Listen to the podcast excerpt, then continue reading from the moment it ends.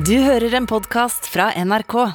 Ja, I dag har jeg vært på russisk territorium. Jeg har vært eh, i den russiske ambassaden og intervjuet eh, ambassadøren der, som er en veldig hyggelig mann.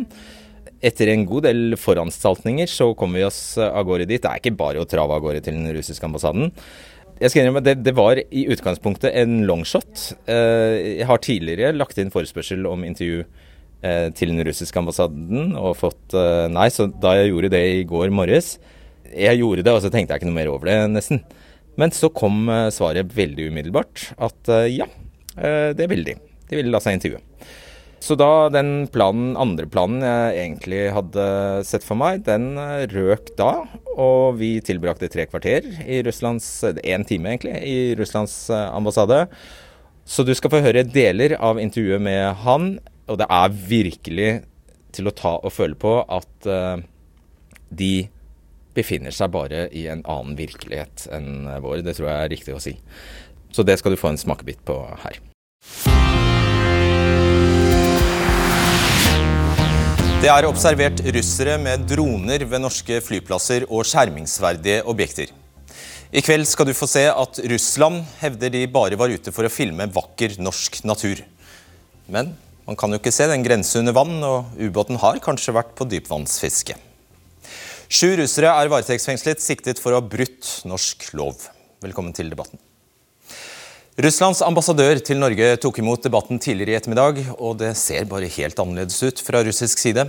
I Norge gjengir vi et utelukkende ensidig bilde, sier han. Vi har forrådt en nabo i øst og kastet oss på EUs sanksjoner uten engang å ha snakket med dem. Norge har forhåndsdømt alle russere, og vi har spesiallagd forbud for uskyldige russere. Her er ambassadør Teimuras Rameshvili. How do you feel about the imprisonment of seven Russian citizens uh, who have filmed, uh, taken pictures of flown drones? Well, you know, the figures are a very complicated issue because during our interview it might be another one. It's quite clear that it is discriminatory. It's discriminatory. Yeah, in, in, in, in relation to one ethnic group or one nation. Uh, you mean that the, the Russian nationals who have been uh, incarcerated now, uh, it was unclear to them whether it was From my point of view, allowed or yeah. not to, to fly Yeah. drones? For, even for us, I mean, a normal Russian tourist would probably not fly drones, would he? no. Well, the matter is that drones is a normal thing. Uh, for anyone interested, especially in Norway, which many places are very difficult to reach. So, uh, on what basis can you claim that there is a psychosis going on in Norway? Well, because uh, it aims only on Russians. I'm sure that half of the tourists who especially travel for making photos and pictures, they use drones. I'm sure. So I cannot guarantee Half of all th- tourists in Norway? who come from uh, to Norway. Do you think half of those tourists who come to Norway I'm use sure, drones? because uh, you wouldn't believe uh, how often it is being used uh, in many countries. Her i studio har vi utenriksminister Anniken Huitfeldt. Vi har Sofie, Sofie Nystrøm, direktør i Nasjonal sikkerhetsmyndighet. Hedvig Mo, assisterende PST-sjef. Og Tom Røseth, hovedlærer i etterretning ved Forsvarets høgskole. Og med oss fra Kirkenes har vi Thomas Nilsen, redaktør i Barents Observer. Sofie Nystrøm, eh, det er veldig vanskelig å forstå norske droneregler, hevder ambassadøren i dette eh, intervjuet. Er det sant?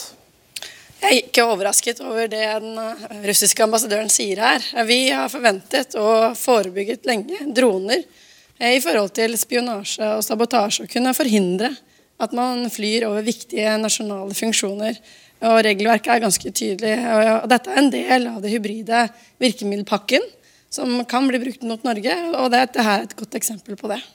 Eh, Vi, har for så vidt ikke, vi tok det ikke med her, men det ambassadøren sier, er at det er eh, Det finnes jo to forskrifter, for så vidt. Det er én som gjelder eh, russiske luftfartøy, helt spesifikt. Og så har du en, en forskrift som, som egentlig stammer fra EUs sanksjonspakke. Og så sier han at Det står bare luftfartøy, altså, eller fly om du vil, eller på engelsk aircraft. Og droner er ikke aircrafts, sier han.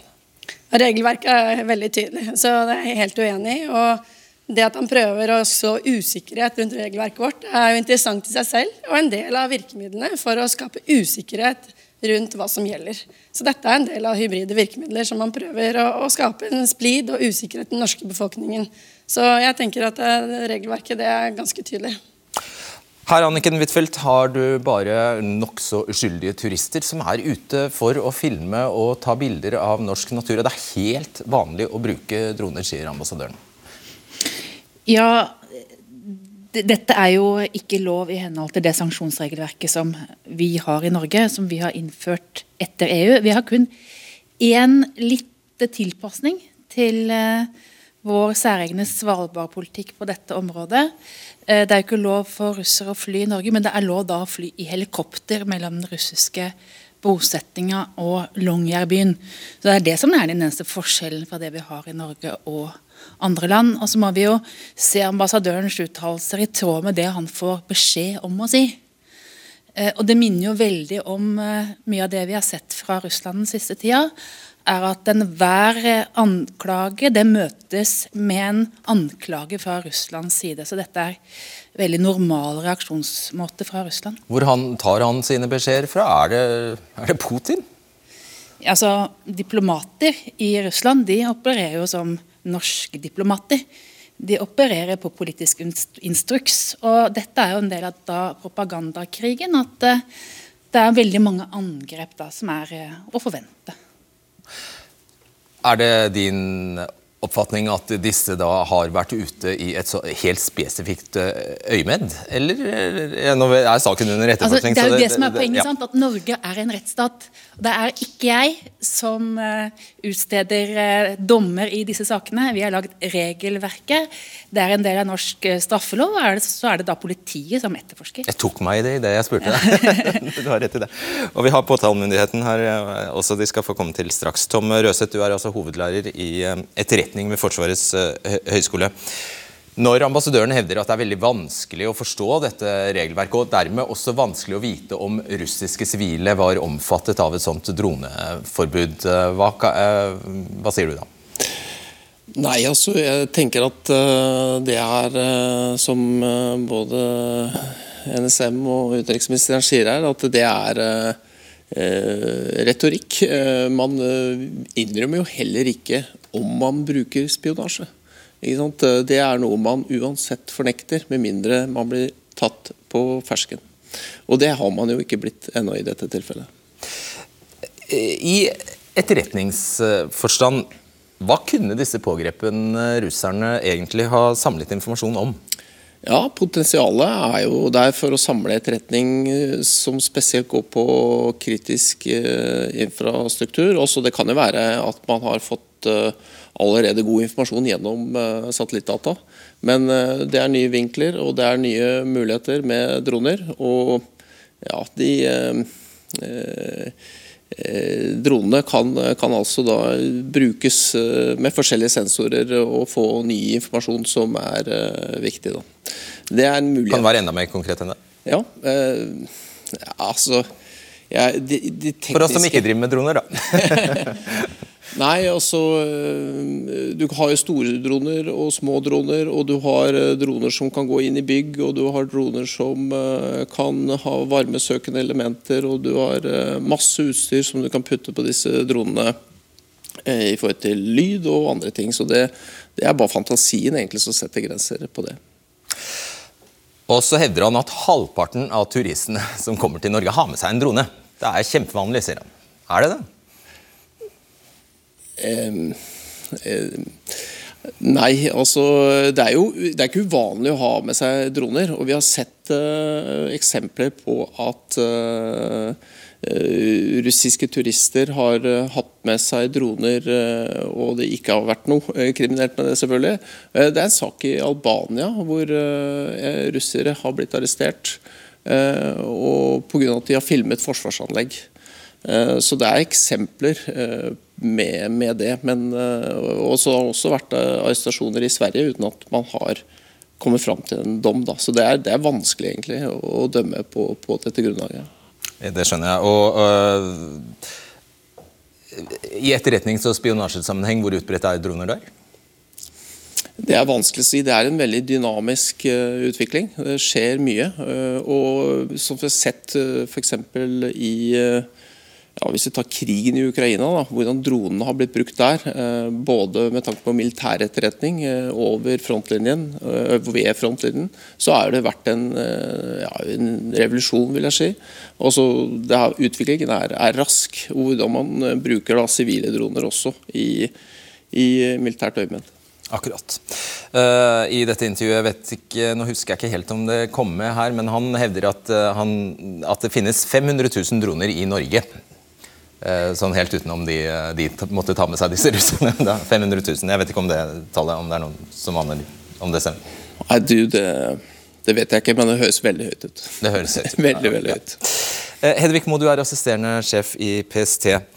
Eh, dere sa at sabotasjetrusselen har økt på pressekonferansen i går. Hvordan er trusselbildet nå, da? Vi tenker jo at det er en eh, mer reell fare for eh, sabotasjeangrep i Norge nå enn det var før invasjonen av Ukraina, og at den faren nok har blitt litt større i løpet av de siste par månedene. Men vi ser for oss det som et verstefallsscenario, så det er ikke noe vi tenker er sannsynlig. Hvis det skjer, så tenker vi jo at det fort kan være norsk kritisk infrastruktur som blir ramma. Enten fysisk eller, eller digitalt. Men um, vi mener at dersom det skjer noe, så, så, tror vi at det rett og slett vil være vanskelig å pinpointe at det er Russland som står bak. Fordi et sånt angrep vil uh, sannsynligvis være fornektbart. Altså at det er gjort på en slik måte at man ikke kan nødvendigvis ansvarliggjøre Russland. Og Det er jo for å unngå da først og fremst at eh, et sabotasjeangrep skal bli sett på som en krigserklæring. Ja, Som Røseth sier, man må bli tatt på fersken, bli tatt med buksene nede for at de skal eh, innrømme det. Ja, Vi tenker det blir lagt opp til at man ikke skal tas med buksene nede. Ja, det vil man antagelig anta. Det ble jo kjent at, eh, det er blitt kjent at tre av de fire russerne som ble pågrepet i Mosjøen, tror jeg det var, i, i Nordland, nå skal løslates. Hva kan du si om det? Jeg ser at forsvarerne opplyser det til, eh, til media. Jeg kjenner ikke detaljer i den, eh, i den saken, men eh, i disse dronesakene så kjenner jeg ikke til noen snarlige løslatelser. Denne saken her gjelder jo noe annet, og det er jo flere saker i landet under etterforskning som gjelder lovbrudd, eh, muligens begått av, av russere, som kan ha en plass i det trusselbildet vi står i nå. Ja, Det jeg har lest meg til, er at det var tre menn og én kvinne som er eh, pågrepet for eh, filming og fotografering av objekter i den saken der, altså ikke droner. Skal de bare vandre løst, eh, løst i nå? Det er vanskelig å gå inn i detaljer der, men det jeg kjenner til så langt, er at Nordland politidistrikt som håndterer saken, vil overføre den til oss, og vi ser for oss at det blir videre etterforskning. Ja, hvorfor var det nødvendig at dere overtok disse sakene? Noen av disse dronesakene som gjelder sokkelen utenfor eh, Sør-Vest politidistrikt, blir jo beholdt der. De eh, dronesakene som har eh, funnet sted på land, de blir overført til PST samla sett. Og det første der er jo tanke om å sikre lik praksis og en god behandling av sakene. Vi er en rettsstat, og vi skal gjøre det på en ordentlig måte òg når det er russere som er mistenkt, selvfølgelig. Eh, men vi er jo interessert i å se et litt større bilde. Vi er interessert i å prøve å se om det er en sammenheng mellom disse sakene. Eh, og om det i en slik sammenheng òg vil være mulig å si hvem som står bak. Eh, er det Russland? Er det enkeltaktører? Og, og hva som kan være intensjonen bak droneflyvningen. For som Røseth var inne på, det er jo ikke helt uvanlig å se droner i nærheten av norsk kritisk infrastruktur. Eh, men eh, det er grunn til å undersøke det. Og i tillegg til at det kan være en interesse for eh, havforhold og norsk natur, som, som du var inne på, så kan det jo være et mål å spre frykt og usikkerhet, rett og slett. Eh, kanskje særlig knytta til eh, Norges gassleveranser til Europa, som jo nå bare blir viktigere og viktigere. Og det kan være spionasje. Vi kjenner jo til at eh, Russland over lang tid har kartlagt norsk infrastruktur. Så det i seg selv er ikke noe nytt for oss. Det er noe vi har vært opptatt av over tid. Og Det skal vi snakke mer om nå. Jeg skal bare innom deg, Thomas Nilsen. Du er altså redaktør i Barents Observer, er med oss fra Kirkenes, og du har dekket forholdet mellom Russland og Norge lenge. Hva er det egentlig eh, vi hører ambassadøren si her? Eh, det vi hører ambassadøren si her, er akkurat det samme som er eh, signalene som sendes fra Moskva til alle ambassader over hele Europa. Nemlig å prøve å undergrave tilliten til politiet og rettsstaten i Norge. Han sier jo rett ut at, han, at alle vil bli løslatt. Og i en russisk tankegang i det totalitære samfunnet der, så har jo myndighetene full kontroll på politi, rettsvesen, påtalemyndigheter, media og alle som er aktørene der. Eh, det er ikke mange som eh, tror på det han sier, men det får litt gjenklang. Eh, Målsettinga er å undergrave tilliten til politiet, og det ser vi jo bl.a. her i Øst-Finnmark inn mot grensa til Russland nå i dag. I kveld så er den store nyhetssaken her at eh, mange sentrale aktører er ute i et leserinnlegg i flere lokale aviser og stiller spørsmålstegn ved eh, politiets eh, jobb med å ja, advare befolkninga mot ulike sikkerhetstrusler. Akkurat i den saken konkret så gjelder det de russiske båtanløpene til Finnmark. Så selv om det ikke er mange som tror på det ambassadøren presenterer, så har det litt gjennomklang i enkelte miljøer. Skap usikkerhet, uro og, og under undergrave tilliten til politiet. Det er det han oppnår her. Ja, Men i dette fullkomne rettssamfunnet, rettsstaten Thomas Nilsen, kan det ikke tenkes at eh, russerne faktisk, som er ute med droner, faktisk bare reelt sett er fotointeresserte? Jo, jeg tror absolutt at det er veldig mange russiske turister i Norge som er fotointeressert. Og så tror jeg det gjemmer seg et par eh, som har eh, oppdrag for russiske myndigheter, eventuelt eh, etterretning. Men eh, hva vi i, media og rundt debatten her spekulerer i det, eh, det er det jo opp til domstolene å avgjøre. Så får vi respektere det. Men eh, jeg så jo, jeg var jo litt inne og søkte på en del dronebilder fra Svalbard nå på ulike russiske sosiale medier. og Det er jo ganske vanlig å ha vært det nå utover hele sommeren og høsten eh, med, med flere eksempler eh, på russere som har posta både videoer og dronefoto fra midt i Longyearbyen så sent som i går kveld. Det er, jeg skal bare legge til det, at det er VG som i kveld melder at disse tre russerne som ble pågrepet i Mosjøen i Nordland, skal løslates i morgen. Og det er som Thomas Nilsen sier, den russiske ambassadøren forskutterer at alle de pågrepne kommer til å bli løslatt. This is hysteria. When anything being done, well, I can tell you what will be the result of all these investigations. Believe me. Yeah. All, everyone will be released. Uh, nothing will be found on hard disks, uh, but they won't, won't be excused from authorities. I mean, sorry, hard disks? Who is uh, carrying hard disks if you want to hide something? They are millions of uh, ways how to to to communicate information. So I mean, this is sounds, you know, even for me as a diplomat, sounds uh, rather peculiar. I would say. Uh, what if you're wrong?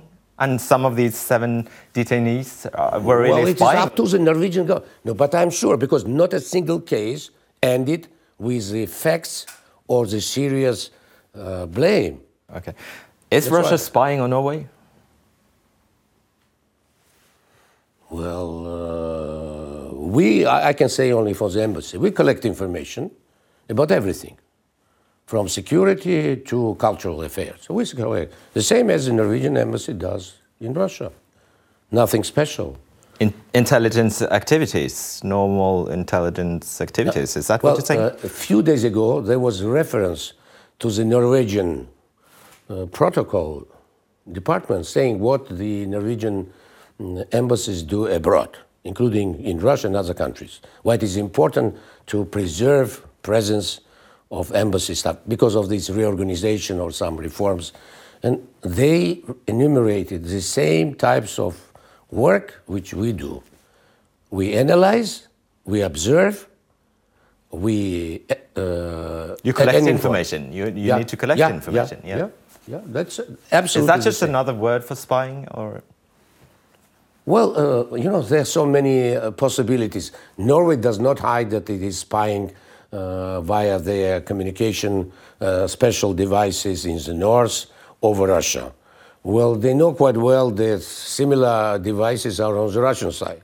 There are uh, submarines uh, on both sides, but in addition to Norwegian you have the whole NATO countries, including the US, doing the same against one country. So for the time being, only we are losing.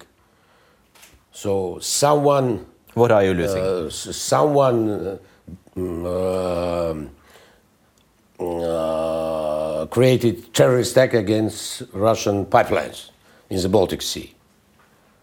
So, and we are creating troubles for for normal energy supplies. So we did not stop energy supply to anyone. So you say Russia has been the target of these actions? Of course. No one else. No one else.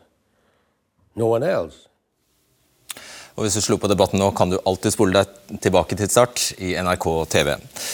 Uh, Røseth, hva er forskjellen på etterretning og spionasje? Ja, det er, og det, det, er ganske mye det samme. Men diplomati og spionasje, tenkte du på det? Ambassadevirksomhet, kanskje, ja. skal jeg legge til. Ja.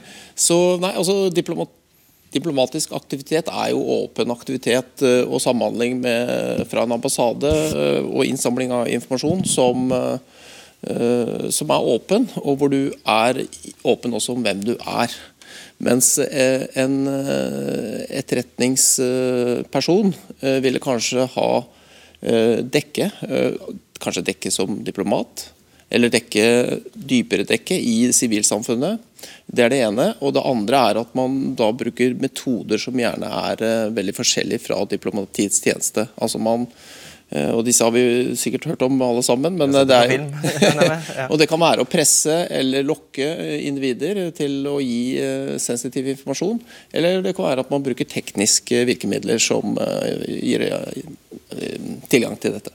Anniken Huitfeldt, her sier ambassadøren både at Russland ikke spionerer på eh, Norge, men at ambassaden og ambassader ellers i verden eh, samler inn eh, informasjon. Tror du på det ambassadøren sier her? Så Vi er jo vant over veldig mange år at Russland driver spionasje mot Norge. og Det har også foregått i en tid hvor det var mye mindre spenning. Så det er en normal situasjon. Men det som er interessant med det ambassadøren sier her, det er flere ting. Det ene er jo at dersom en nordmann da ble arrestert i utlandet, så hadde nok ikke en norsk ambassadør liksom gått til frontalangrep i media og sagt at den personen er uskyldig uansett. Da samarbeider jo vi med politiet i de landene, selv om vi da yter assistanse. Det andre er at eh, han viser også til de reformene som Utenriksdepartementet har vært gjennom, bl.a. gjennom å styrke ambassaden i Kiev og i Belarus, at det har sammenheng med spionasje. Det er feil. For Det som er typisk for norske diplomater, er at de opererer etter Wien-konvensjonen. De samler informasjon, men de gjør det ikke fordekt. Eh, når han sier at Russland ikke driver hybrid krigføring, da sier du? Ja, Da må vi se på hvert enkelt tilfelle. Nå skal ikke jeg eh, komme med noe dom på hver enkelt sak her, men de driver jo utstrakt etterretningsvirksomhet mot Norge, og det har de gjort i mange år. Og det er en normal situasjon for oss. Ja, og eh, Sofie Nystrøm, en rekke norske institusjoner, bedrifter, har blitt hacket, har, fått, har, blitt utsatt for til dels svært kommuner, har blitt utsatt for til dels veldig alvorlige dataangrep. Russiske nettverk har blitt anklaget og fått passet påskrevet en, flere, flere ganger. Hva, hva er det de oppnår med dette her? Det kan være en rekke eh, måter å oppnå både politiske eh, forsterkninger av budskap de ønsker å ha. Det kan være gutteromshacking. Det kan være innsamling av informasjon og spionasje. Det kan være forberedelser til sabotasje. Og det kan være, det kan være for å, stå, øh, å så usikkerhet i befolkningen. Så det er en hel rekke måter å bruke de digitale virkemidlene eh, som vi er opptatt av å forhindre og tette sårbarheter og gi nok informasjon til virksomheter i Norge, slik at de ikke går på limpinnen eller slipper de inn døra, eh, slik at både befolkningen og virksomhetene er motstandskraftige.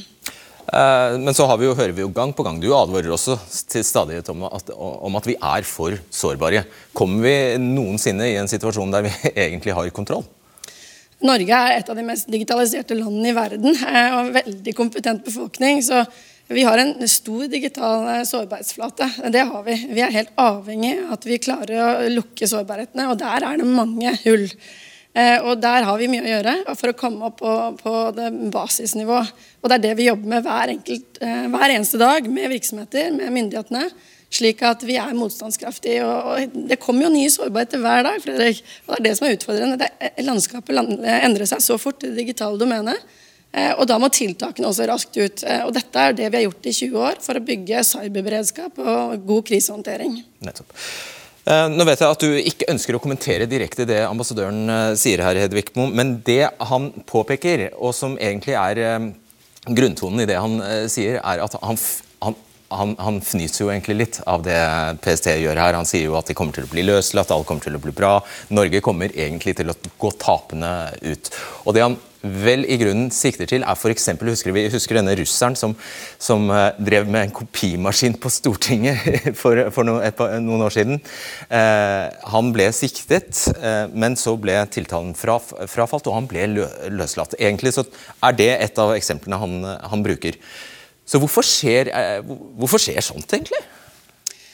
Det er veldig mye, det er høye beviskrav hvis noen skal bli straffa for noe. Hvis man skal bli straffa for eh, spionasje, så er jo det òg eh, et helt annet spørsmål enn eh, f.eks. om man er russisk statsborger og har flydd ei drone i Norge. Men så er det viktig for meg å framheve at uh, sånn som vi ser etterretningsaktiviteten fra Russland nå, så er det ikke bare snakk om ulovlig virksomhet, altså i form av ulovlig spionasje etter straffeloven. Men det er et veldig sammensatt bilde, som òg NSM har vært inne på. Uh, og som egentlig gjør at vi òg framover tenker vi må redefinere vårt forhold litt til russisk etterretning. Fordi uh, veldig lenge nå så har det jo vært brune konvolutter med dokumenter og etterretningsoffiserer og menneskelige kilder, altså agenter. Og nå i det siste òg mye i cyber. Men vi tror jo at det blir et enda bredere bilde, der vi vil se f.eks. påvirkningsoperasjoner, som flere har vært inne på her, men òg strategiske oppkjøp. Eh, vi kjenner jo til flere tilfeller der de siste par årene. slik at... Jeg bare minne oss om hvordan det kan se ut. Eh, det kan være typisk de sterke etterretningstjenestene, altså fra de store landene, som ønsker å kjøpe eiendommer eller selskaper for å skaffe seg eh, informasjon både om beslutningsprosesser og om eh, teknologi f.eks. Det er jo i utgangspunktet lovlig, og i utgangspunktet noe som vi ønsker her i Norge, altså utenlandske investorer. Og så er det om å gjøre å finne ut om det faktisk er en, en aktør som f.eks. Russland som, som, står bak. Og I noen tilfeller så ønsker vi jo da ikke at det skal skje i det konkrete tilfellet. Fordi eh, Ikke minst nå når Russland, eh, sånn som vi vurderer det, er isolert og er pressa pga. bl.a. sanksjonene mot dem, så tror vi jo at Russland er villig til å ta en større risiko i sånn som de eh, jobber etterretningsmessig, og for å skaffe seg informasjon om norsk teknologi f.eks., som man gjerne vil ønske å bruke militært, selv om vi kanskje har tenkt at det skal brukes sivilt. Det har jo vært en stor sak de siste dagene om at regjeringen har kjøpt Norges største privateide eiendom. Masse skog. Skog er jo faktisk Jeg tror du skal få svar. Det ble ikke sagt i går, så vidt jeg hørte, at, det, at sikkerhet eh, var en av grunnene til at eh, gikk hen, stat, eh, skog gikk hen og kjøpte denne eiendommen. Skog vet vi faktisk spiller en rolle. At vi ikke ønsker at skog skal havne på utenlandske hender. Ja, Det er veldig viktige nasjonale hensyn som ligger til grunn. Men det viktigste er jo å eie den type infrastruktur som handler om 5G, havner og slike ting. Flyplasser. Det er det som er nasjonal sikkerhet. Da. Og Der er det jo mye mer fokus på hvem som eier dette. Og det har vært mye større bevissthet om det de siste åra, heldigvis. Eh. Det er Røseth eh, Kjetil Stormark, eh, altså ansvarlig redaktør i Aldri mer NO. Han mener jo at det er en skandale, det som har skjedd. At vi er bare altfor lite forberedt. At vi, har for at vi har manglet dette nasjonale varslingssystemet helt inntil nå osv. Han sier at vi er i en situasjon hvor risikoen for fysiske anslag mot norsk sokkel er mer enn 50% og at det kommer av at Putin er trengt opp i et hjørne. Han trenger en smørbrødliste for militære alternativer. og Derfor så er etterretningsvirksomheten mot eh, bl.a. norsk sokkel økt eh, veldig. Kan han være inne på noe? Risikoen har jo økt grunnet, eh, som Mo sier her, en eh, veldig spent situasjon. Som gjør at Russland har færre virkemidler og ønsker kanskje å påvirke Europa og Norge. Men når det gjelder sannsynligheten for for anslag mot f.eks. infrastruktur i Nordsjøen og olje- og gassanlegg, så, er det vanskelig å si sånn helt sikkert, eh, selvfølgelig. Eh, jeg tenker selv at eh, situasjonen må nok eskalere ytterligere før Russland tar i bruk slike virkemidler. Men gitt at det ikke kan attribueres, altså at vi ikke kan legge skylden på Russland hvis det er et slikt angrep, gitt at det er utført på en måte hvor det er vanskelig, så er jo selvfølgelig terskelen noe lavere. Men jeg tror nok eh, vi ikke er der ennå, mellom Europa og Russland. La oss håpe du har rett. Thomas Nilsen, politimesteren i Finnmark sier til Dagens Næringsliv at Russland bruker Nord-Norge som et laboratorium. Er du enig i det? Ja, og det har jo vært situasjonen her i Øst-Finnmark og i Finnmark i Eh, i hvert fall siden 2012. Eh, ikke bare i, i rene spionasjeoppdrag, som, som, her nevnes, men også i det som er veldig synlig. Jeg har sjøl sett russiske diplomater som sitter og fisker på isen rett nedenfor et eh, svært strategisk militært anlegg for, for kommunikasjon. Vi har sett at den russiske ortodokse kirka har gjort forsøk på å kartlegge drikkevannssystemene her i Sør-Varanger. Den samme russisk-ortodokse kirka har i lag med norske aktører gjort framstøt for å bygge et kirkebygg rett nedenfor Varderadaren. Vi har sett at mannskap på russiske trålere har vært ute og kartlagt strategisk viktig infrastruktur osv. Så, videre. så, det, så det her er ikke bare det som er hemmelig og som kan klassifiseres som spionasje, men også det som er helt åpent, og som handler om å kartlegge eller skape frykt og usikkerhet og splid innad i, i Norge.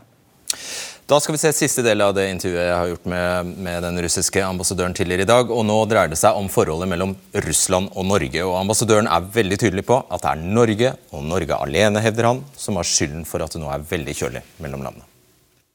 Russia did not create a single cause for worsening bilaterally to worsen relationship with Norway.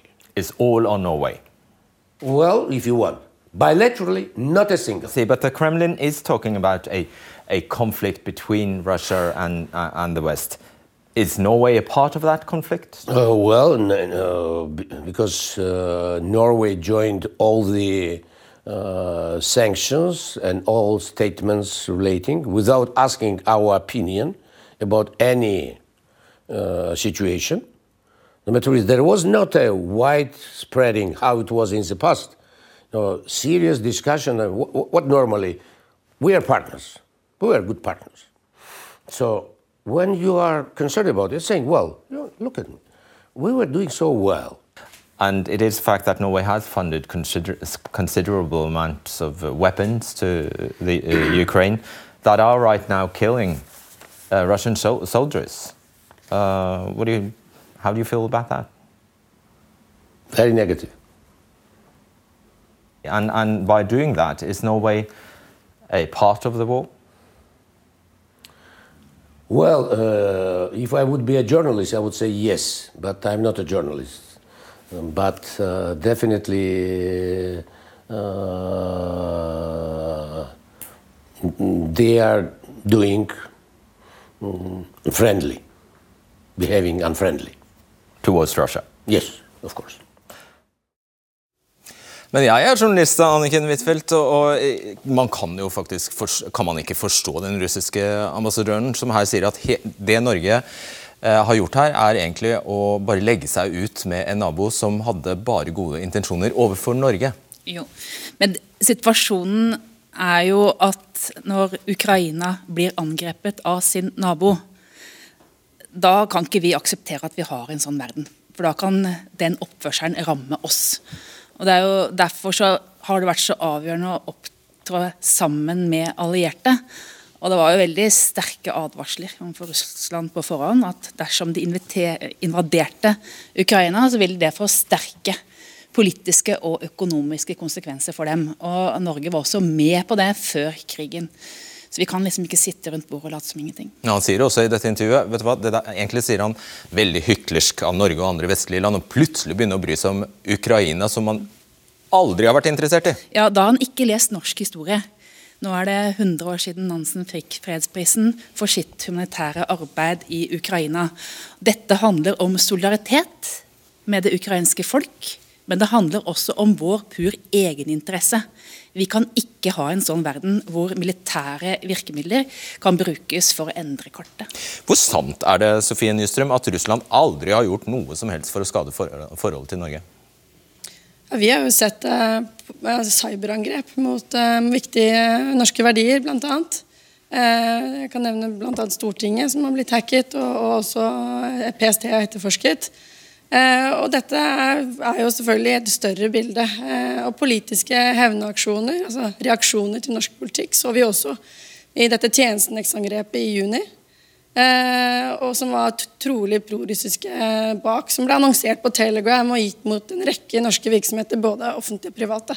Så vi, vi ser jo at, at, det reageres, og vi forventer og er forberedt på å håndtere en del av disse virkemidlene. Men de nekter jo hver gang? De nekter hver gang, og det er forventet. Men vi er forberedt. Det er det viktigste budskapet. Vi jobber jo hver dag for å ha beredskap, og vi begynte med beredskapstiltak allerede i desember i fjor. Jeg har jobbet både med olje og gass, kraftforsyningen vår, telekommunikasjon, og Forsvaret selvfølgelig, og et bredt spekter for å tette sårbarheter og være klare. Så dette er et forventet bilde som føyer seg inn i hybride virkemidlene som, som vi må tåle. Og det at de så hardnakket nekter hver gang, hvor, hvor, hvor mye vanskelig gjør det jobben din? Det spørs hvilken del av jobben du tenker på. Ehm, det vi er opptatt av, det er jo først og fremst det som nettopp eh, er Russland som stat som står bak. Altså russiske borgere i Finnmark eller i andre steder av landet er jo ikke det som er PST sitt, sitt fokus. Med unntak av de som flyr droner i Norge, for det er jo ikke lov i seg sjøl. Men eh, det vi er opptatt av, er jo den, eh, den, virkemiddelbruken som en statlig aktør, altså Russland i dette tilfellet her, står, står bak. Eh, og eh, som, som, vi vel alle sammen har vært inne på her, så, så er det jo forventa at man vil eh, nekte for at en står bak både eventuelle sabotasjeangrep og, og tjenestenektangrep og annet. Um, så det, det, er noe som vi òg venter egentlig i alle disse sakene. Og Du ba oss i går om å være ekstra årvåkne. Hvordan skal vi oversette det til vårt forhold til enkeltrussere i Norge? Jeg tenker at Hvis man har et fokus på at eh, det ikke er enkeltrusserens eh, egne eh, opptreden som er det, det, mest interessante, egentlig, men hvis man tenker at det, det allikevel er et forsøk på å skaffe seg sensitiv informasjon, så ønsker vi jo at man skal reagere og melde fra om det. Vi tror jo at befolkningen der, som i disse dronetilfellene som man har meldt inn mange situasjoner, at de vil kjenne på hva som er normalsituasjonen og oppfatte egentlig det som er annerledes. Ehm, først og fremst så tror vi at en bevissthet rundt eh, russiske interesser nå for bl.a. norsk teknologi, men òg eh, for informasjon som man kan ha via det nettverket man har, eh, eller at man sitter tett på beslutningsprosesser, er, er viktig for Russland. Og Det er jo òg langt utenfor Ring 3. Det kan være veldig lokalt òg. Eh, ja, det vil jeg anta, men ambassadøren advarer jo nettopp mot eh, dette her. Han sier at eh, Han bruker vel ikke ordet xenofobi eller fremmedfrykt, men det har vi jo hørt fra Russland tidligere. Altså, det er vel, Hvis en russer kommer opp til deg og bare vil bli venn med deg uh, han, han, sier jo nettopp det at det, dette her er livsfarlig. Det, det, det, sånne advarsler som gjelder så generelt. Er absolutt en balanse i det. og Det er noe vi tenker over hvordan vi skal, skal formulere det. for det er det er viktig for oss at man eh, tar utgangspunkt i at hvis det er noe som man tenker er interessant for Russland, altså et eller annet som ved infrastrukturen vår eller beslutningsprosessene våre eller teknologien vår, så er det annerledes enn hvis noen har lyst til å ta en eh, kaffe med deg og du snakker om hvordan det går i barnehagen. Eh, hun eller han bør bare ikke være nysgjerrig? Spørs hvilken type nysgjerrighet det er. Vi tror at befolkningen vil kjenne igjen det som er verdt å reagere på. Mm. Selv om det skal legges til at det kommer meldinger om, om selvfølgelig veldig uheldige hendelser russere opplever i Norge. Det skal vi jo legge til. Ja. Du vil legge til? Ja, og disse sanksjonene er jo ikke rettet mot russere. De er retta mot Putin. Russland er vår nabo. Det vil de være i all framtid. Da er det viktig at vi opptrer forutsigbart. Og det gjør vi også på dette området. Når vi en gang kommer tilbake til en normal her, Tom eh, Røseth, vil da dette vi snakker om nå, etterretningsvirksomhet, spionasje og alt dette her, vil det avta da? Neppe. Det vil det nok ikke. Uh, Russland har forskjellige interesser fra Norge, og de interessemotsetningene vil vedvare selv etter uh, krigen og den spente situasjonen. Eh, ja. Og så tenker jeg å legge til at jeg snakka en del om etterretning her. og det er jo Russisk side har jo gjort feilsteg på sin side, på etterretningssiden, og feilbedømt den vestlige samholdet. Det er det ene. Og også grovt feilbedømt uh, ukrainernes uh, motstandskraft. Eh, Thomas Nilsen, er, nå er det en stund siden vi har hørt om dette folk-til-folk-samarbeidet mellom nordmenn og russere i Finnmark. Hva er ståa der? Ståa er at det er veldig mange russere som bor og jobber her i Kirkenes. Vi Barents Observer vi har nettopp fått inn to russiske journalister som har kommet hit for å jobbe med de tingene de ikke får lov til å publisere hjemme i sitt eget land. Og det her tror jeg er veldig viktig at vi tar med oss videre. At det er mange som vi i Norge må samarbeide med, som jobber i opposisjon mot krig. Som jobber i opposisjon mot det totalitære eh, regimet i eh, Russland. Og for å ta en, en eh, hoppe tilbake 30 år tilbake i tid, da folk-til-folk-samarbeidet ble etablert med Thorvald Stoltenberg og den russiske utenriksministeren Andrej Koserev, som jo var valgt inn da fra Murmansk. Eh, Andrej Koserev han var ute veldig raskt etter 24.2 eh, med Russlands invasjon i eh, Ukraina og oppfordra alle russiske diplomater som var imot krigen, rundt omkring på alle ambassader og generalkonsulat om å trekke seg i protest. Og Jeg syns absolutt at den russiske ambassadøren i Oslo bør følge Andrej Kosirev sitt, sin oppfordring, og så får vi i Norge samarbeide med Eh, tidligere politikere i Russland, som Andrej Kåsrev, eller som tidligere statsminister Mikhail Kasjanov, som jo var her i Kirkenes og feira tiårsjubileet for det her folk-til-folk-samarbeidet. Det er en liten sjanse, men det kan være den generasjonen og de opposisjonsfolka som er i stand til å overta den dagen Vladimir Putin sitter for Haagdomstolen. Ok, ambassadør Taimuras Teimuras Rameshvili, hvis du ser på og du fikk oversatt dette her, så, du, eh, så hørte du det. Vi setter punktum her. Takk for at du ser debatten. Vi er tilbake neste uke. Ja, Dette jo, ble jo en litt uh, annerledes uh, debatten, kan man si. Det var jo ikke noen konflikt her. Det valgte vi bevisst uh, vekk denne gangen. Det er en pågående diskusjon om Norge har selvfølgelig på alle disse områdene god nok beredskap, om vi har vært flinke nok på antidronearbeid og sånt noe. Men jeg tenker vi tar de debattene en annen gang. Nå var det reaksjonene på ambassadørens uttalelser som, eh, som, vi ville fokusere på. Så en roligere tone var det jo, og, men jeg tror, eh, tror, egentlig det var eh, riktig. Ja. Så men neste uke så regner jeg med at debatten er tilbake i vanlig, mer vanlig gjenge, uten at jeg aner hva vi skal diskutere da. Du kan selvfølgelig sende inn tips, det setter vi pris på, på debatten krøllalfa nrk.no. Og så høres vi. Ha det. Du har hørt en podkast fra NRK. De nyeste episodene hører du først i appen NRK Radio.